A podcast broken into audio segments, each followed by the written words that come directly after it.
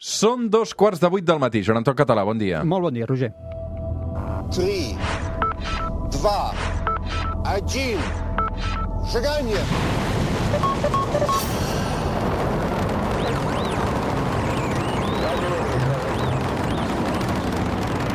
One small step for man, one giant leap for mankind.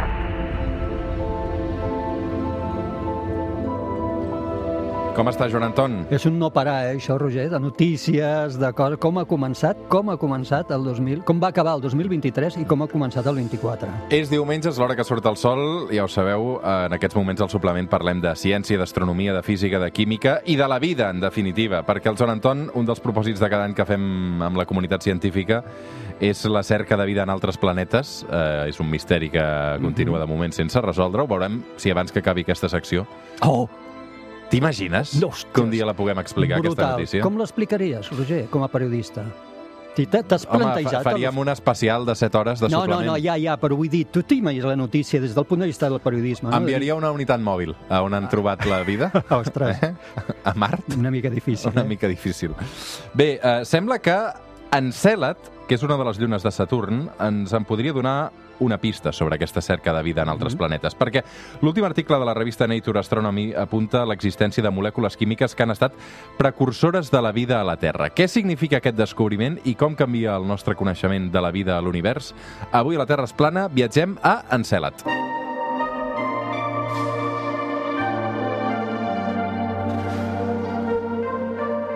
Anton, no sé com damunt és Encèlad de la llista d'indrets on estem buscant vida. Ha guanyat, ha guanyat, ha guanyat posicions, està pujant, és un valor en alça. Eh? Si fos borsa, invertiríem. Invertir. Saps que ho hem explicat molts cops?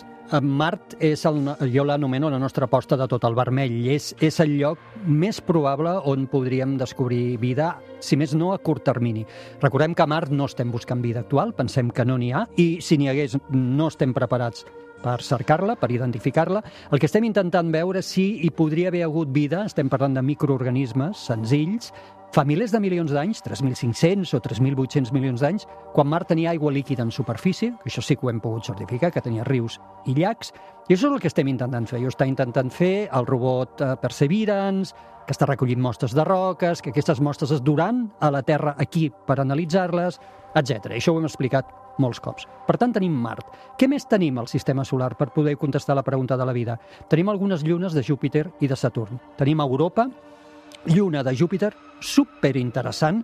Tot ell, tot aquest món està gelat, amb una capa de gel d'uns 18 quilòmetres de gruix en alguns punts, i en un oceà d'aigua líquida per sota, amb molta més aigua que no hi ha a la Terra. En aquest moment que estem parlant ja hi ha una nau de l'Agència Espacial Europea que se n'hi va cap allà, eh, i una altra que es diu JUICE, i una altra de la NASA que es diu Clipper, que s'enlairarà aquest any. Arribaran a final de dècada. I és primera exploració, vol dir que aquí eh, hauran de seguir més exploracions. I després tenim Encèlad. Encèlad és una lluna de Saturn que havia estat molt interessant ja quan eh, se li va detectar, que ara ho explicarem, aigua també líquida sota la superfície, però amb algunes altres cosetes, que això és el que s'ha confirmat ara, i que, com et dic, fan que guanyi punts Encèlad. Clar, um, com és aquest Encèlad? Com el descriuria, Joan Anton? És un satèl·lit, és un món d'uns 500 quilòmetres de diàmetre i en temperatures en superfície de, dos, de menys 200 graus. Orbita a 238.000 quilòmetres de Saturn de distància, això per entendre's és una mica menys que la distància Terra-Lluna, i triga 32,9 hores en fer una òrbita sencera. Per gravetat es troba fixat, igual que la Lluna ens ensenya sempre la mateixa cara, doncs el, també Encèlad li ensenya la mateixa cara a Saturn. I ara, algunes parts de la superfície d'Encèlad no s'hi veuen apenes cràters. Recordem que els cràters en aquests objectes vol dir impactes, i això vol dir que d'alguna manera aquestes parts de la superfície han de ser joves, o hi ha d'haver processos, que ara explicarem, que han fet que s'hi dipositi material i que aquestes zones es regenerin i no mostrin cicatrius d'impactes. Eh, com a curiositat, Roger, és l'objecte més blanc del sistema solar. La seva superfície reflecteix extraordinàriament bé la llum, i ara també veuràs per què. Encèlad, Joan Anton, eh, l'hem conegut millor, sobretot gràcies a aquesta missió Cassini. Una missió tremenda de la NASA. Jo amb, el, amb un dels meus llibres l'anomeno la nau que ens va enamorar de Saturn, uh -huh. perquè va estar durant 13 anys en òrbita de Saturn, ens va enviar milers de fotografies, tones de dades científiques que encara avui s'estan explotant. Per tant, jo penso que és de les missions més productives de tota la història de l'exploració espacial. Eh, també va fer passades molt a prop d'algunes de les llunes de Saturn, inclòs eh, Encèlad. I, de fet, Encèlad era un dels objectius principals. Mira, l'any 2005, Cassini va descobrir ni més ni menys que geysers. Geysers de vapor d'aigua a prop del pol sud d'Encèlad. Això són emissions d'aigua que se'n van cap a l'espai. A més a més, algunes de les imatges es van fer a contrallum, van ser molt espectaculars, es troben mm, de franc a internet, Eh, es van fer a contrallum per poder distingir millor aquestes emissions de geysers d'aigua eh, cap a, cap a l'espai. Aquestes emissions arrosseguen no només aigua en estat vapor, sinó partícules. Clar, al sortir aquest vapor, partícules de la superfície cap a l'espai. Moltes d'aquestes partícules tornen a caure per gravetat sobre Encèlad i això explica el per què aquesta regió és molt jove, no s'hi veuen cràters quasi, perquè és com si nevés, per entendre'ns, torna a caure um, tot aquest material i a més a més explica per què és tan blanc. Del, és, és que és, de fet, material gelat, com si nevés, com, com et deia. Es calcula que la, a la superfície d'aquesta zona del Pol Sud té tan sols entre 1 i 1,5 quilòmetres de gruix, a diferència d'altres llocs on el gruix arriba als 25 quilòmetres. I l'Agència Espacial Europea ha fet un càlcul sobre el volum que signifiquen aquestes emissions de vapor d'aigua a l'espai, que equival a 300 litres per segon, per poder-ho entendre, això podria omplir una piscina olímpica en poques hores. Mm. Aquests geysers, Joan Anton, eh, han de treure l'aigua d'algun lloc, no? Clar, clar la aquesta és pregunta és d'on surt aquesta aigua. Clar, clar, aquesta és la clau. Un Perquè oceà... en aquest cas no sabem si l'aigua no cau del cel. No, no, no Eh? cau gens. De fet, cau per gravetat, però ve de, ve de sota. Ah. Ve de sota. Ve d'un oceà subterrani, aigua líquida, sota la superfície gelada, cosa que hem confirmat. Segurament aquesta aigua es manté en estat líquid gràcies a l'energia que produeix la interacció gravita la fricció gravitatòria eh, de Saturn, un efecte de marea, per entendre'ns. Eh, durant molt de temps, bueno, molt de temps, durant uns anys, s'ha intentat estimar quina era aquesta energia i si aquesta energia que provocava la fricció gravitatòria amb Saturn era no suficient com per mantenir un oceà líquid en un lloc que està tan fred, com hem dit abans. No? Alguns estudis recents apunten la possibilitat de que el nucli d'Encèlad podria estar trencat, fragmentat, i que la interacció gravitatòria de Saturn provocaria fricció entre les roques de l'interior, eh, de manera que això generaria aquesta escalfor. L'energia faria també que l'aigua pogués pujar a esquerdes i sortir a l'espai. Però encara tenim aquí forces dubtes. Mm. Sabem com de gran és aquest oceà? Aquest és un dels dubtes que tenim, importants. Alguns estudis suggereixen que podria equivaldre a tota l'aigua que hi ha al llac superior nord-americà. Sabem que són els grans llacs que estan a la frontera entre Canadà i els Estats Units, doncs el llac superior podria ser un exemple. És un oceà global, és a dir, per sota de tota la seva superfície. I en alguns llocs es calcula que podria tenir 31 quilòmetres de profunditat. Els nostres oceans també són ridículs en quant a profunditat. 31 quilòmetres de profunditat en alguns llocs. Cassini també va analitzar de què estaven fetes aquestes emissions de vapor d'aigua, Joan Anton, i què hi van trobar? Clar, eh, com et deia, aquestes emissions de vapor d'aigua arrosseguen, arrosseguen partícules de la superfície, però també del subsol, d'aquest oceà, i eh, Cassini portava instruments per poder analitzar això i s'hi va trobar diòxid de carboni, metà, amoníac, hidrogen... Això és molt, molt, molt interessant. Però encara potser més interessant va ser pensar, els científics ho van fer, que eh, els instruments que portava Cassini no tenien prou, prou resolució, és a dir, no eren prou capaços de poder-ho detectar tot, absolutament tot. I algunes d'aquestes partícules, o, perdona, compostos que es van detectar, els científics van pensar, escolta'm, i si estessin produïdes per l'impacte contra el detector d'altres molècules molt més complexes, però que el nostre detector no està preparat per detectar. I aquesta és la cosa. És dir, va haver la sospita de que, tot i ser interessants aquestes molècules, potser n'hi havia d'altres molt més interessants des del punt de vista bioquímic, que ara ho explicarem, simplement que no es podien detectar de manera tan senzilla. Simplement que quan xocaven contra el, de el detector es desfeien i generaven aquestes altres partícules més senzilles que sí que el detector Mm. podia confirmar. Ara s'ha publicat, Joan Anton, aquest nou estudi que comentàvem al principi. Uh, què diu de nou aquest nou estudi? Ah, què, han- què, què ha descobert? Per què, simulat- per què Encelat està tan amunt ara a la llista d'interès? Han simulat això que et deia. Han dit, val, anem a jugar amb partícules més complexes, químiques més complexes, anem a fer-la, anem a veure què generarien quan xoquessin contra els detectors de Cassini, que Cassini ja està morta, és una nau que ja no existeix, des de l'any 2016. i veure què detectaríem. És dir, han fet simulacions en ordinador per jugar amb molècules complexes, fer-les, entre cometes, xocar contra els detectors de l'antiga Cassini i veure què s'hi detectaria. A veure si això quadra amb el que realment s'hi va detectar. I mira, de les coses que s'hi han detectat, la més important, cianur d'hidrogen. Mm. Cianur d'hidrogen. Cianur d'hidrogen és un gas extraordinàriament verinós pels sí, humans. No, ve- ja com a concepte no ho és, ho és. fa polla, eh? Molt. És el que utilitzaven els nazis, per exemple, per exterminar gent, Mhm. el cianur d'hidrogen. Però és, una, és un, una, un compost químic extraordinàriament ric en quant a reaccions químiques i, a més a més, sabem que... És a dir, això que ens ajuda o que, que malauradament mata humans, Mhm. també és una font de vida. Total. I, de fet, va ser precursor de la vida a la Terra.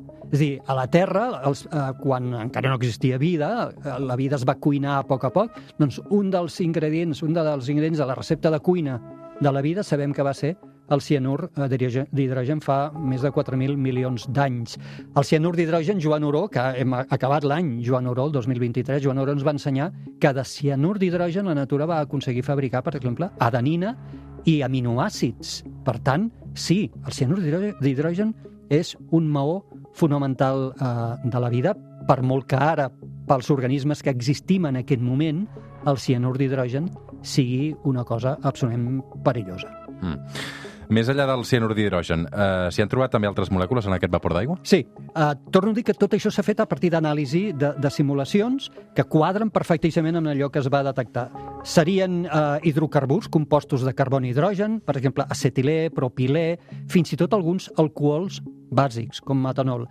La importància d'aquestes molècules no és només haver-les trobat, que sí, és que per, per crear-se, la química que utilitza la natura per crear-les necessita energia tu has de posar energia per poder fabricar aquestes molècules. Per tant, trobar-les vol dir que sota l'oceà d'Encèlet hi ha d'haver fonts d'energia. Mm. Hi ha d'haver processos que generin energia suficient, més que suficient, per poder crear aquestes molècules. I l'energia és bàsica per la vida. Evidentment, la vida és un procés que consumeix qualsevol mena de vida.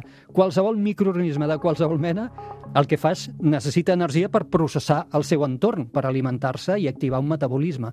Per tant, el fet de que hi hagi, primera, blocs bioquímics interessants, com el cianur d'hidrogen, alguns alcohols, i a més a més fonts d'energia, això és una barreja superinteressant que no vol dir pas vida. Això no vol dir el salt a, a dir vida, encara és quàntic aquest salt. Però, d'entrada, els maons hi són. Mm. Joan Anton, avui ens hem fixat en la vida més enllà de la Terra. Um, ara que sabem tot això que ens has explicat, és possible que Encèlat es converteixi en, en objectiu prioritari per enviar-hi missions un cop fetes aquestes descobertes? Jo penso que ho hauríem de fer. Hauríem de revisar les agendes dels pròxims anys perquè en aquest moment no hi ha, que jo conegui, missions aprovades, oficials, aprovades en CELAT. Sí que hi ha projectes, eh?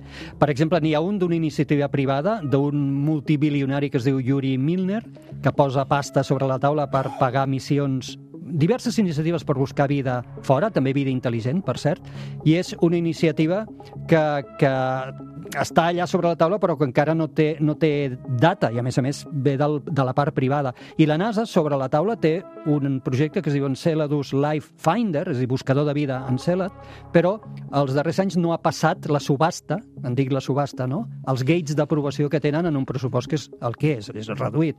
Jo penso que s'hauria de revisar i després d'aquests descobriments que s'acaben de fer, no m'estranyaria veure com aquesta missió que et deia ara que mai no acaba de passar aquesta subhasta, passi aquesta subhasta, eh, no sé si l'any vinent o l'altre.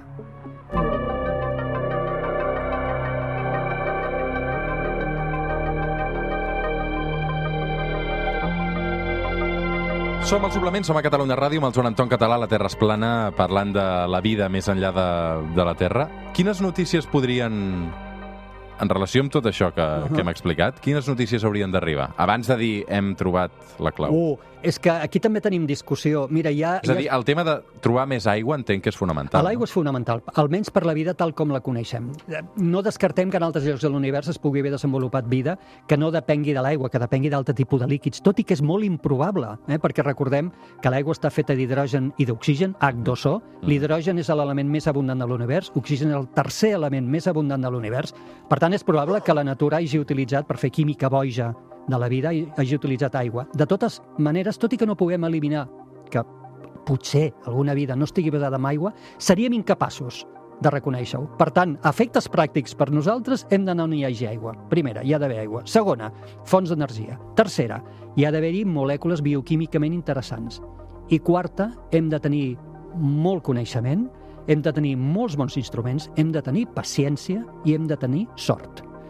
I aquí no, això no és senzill. De fet, hi ha científics, sobretot, jo et diria, i que em perdonin els que no estiguin d'acord en això, però ho dic després d'haver parat amb alguns científics que es dediquen a això, els que es dediquen a la biologia o a la bioquímica pensen que els astrofísics que busquen, els astrobiòlegs, els astrofísics més, més relacionats amb la, són massa positius, massa optimistes. Diuen, és que potser trigarem moltíssim perquè es necessiten tantes coses per poder confirmar que realment, realment hi ha vida. I sí que és veritat que els astrobiòlegs, doncs potser hi ha més la tendència de... Escolta, potser estem a, a una dècada, potser estem a un parell de dècades, no?, de, de poder detectar això. No sé, ha aquesta discussió. No, no és senzill. Pensa que la descoberta, l'anunci de descoberta de vida fora de la Terra és, seria l'anunci més important de la història de la humanitat. Per tant, no podem jugar amb això. Haurem d'estar super segurs del que diem i explicar-ho bé. Ens queden anys molt, molt, molt interessants. Quantes temporades de Terres Plana necessitem? Uh, jo penso, si amb una mica de sort, unes 10, 12. Atraparíem el Solà. El Ah, Xavier. Solà, Ostres, gairebé. seria un honor, això, Sí, eh? seria un honor. Joan Anton Català, moltes, moltes gràcies. A tu. Fem una pausa i de seguida tornem al suplement. Fins ara.